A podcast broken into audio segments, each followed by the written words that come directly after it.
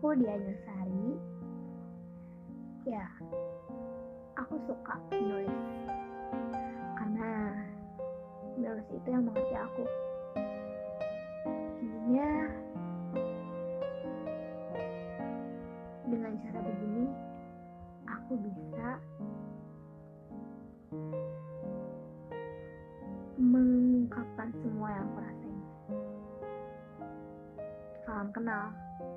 Semoga kalian selalu bahagia.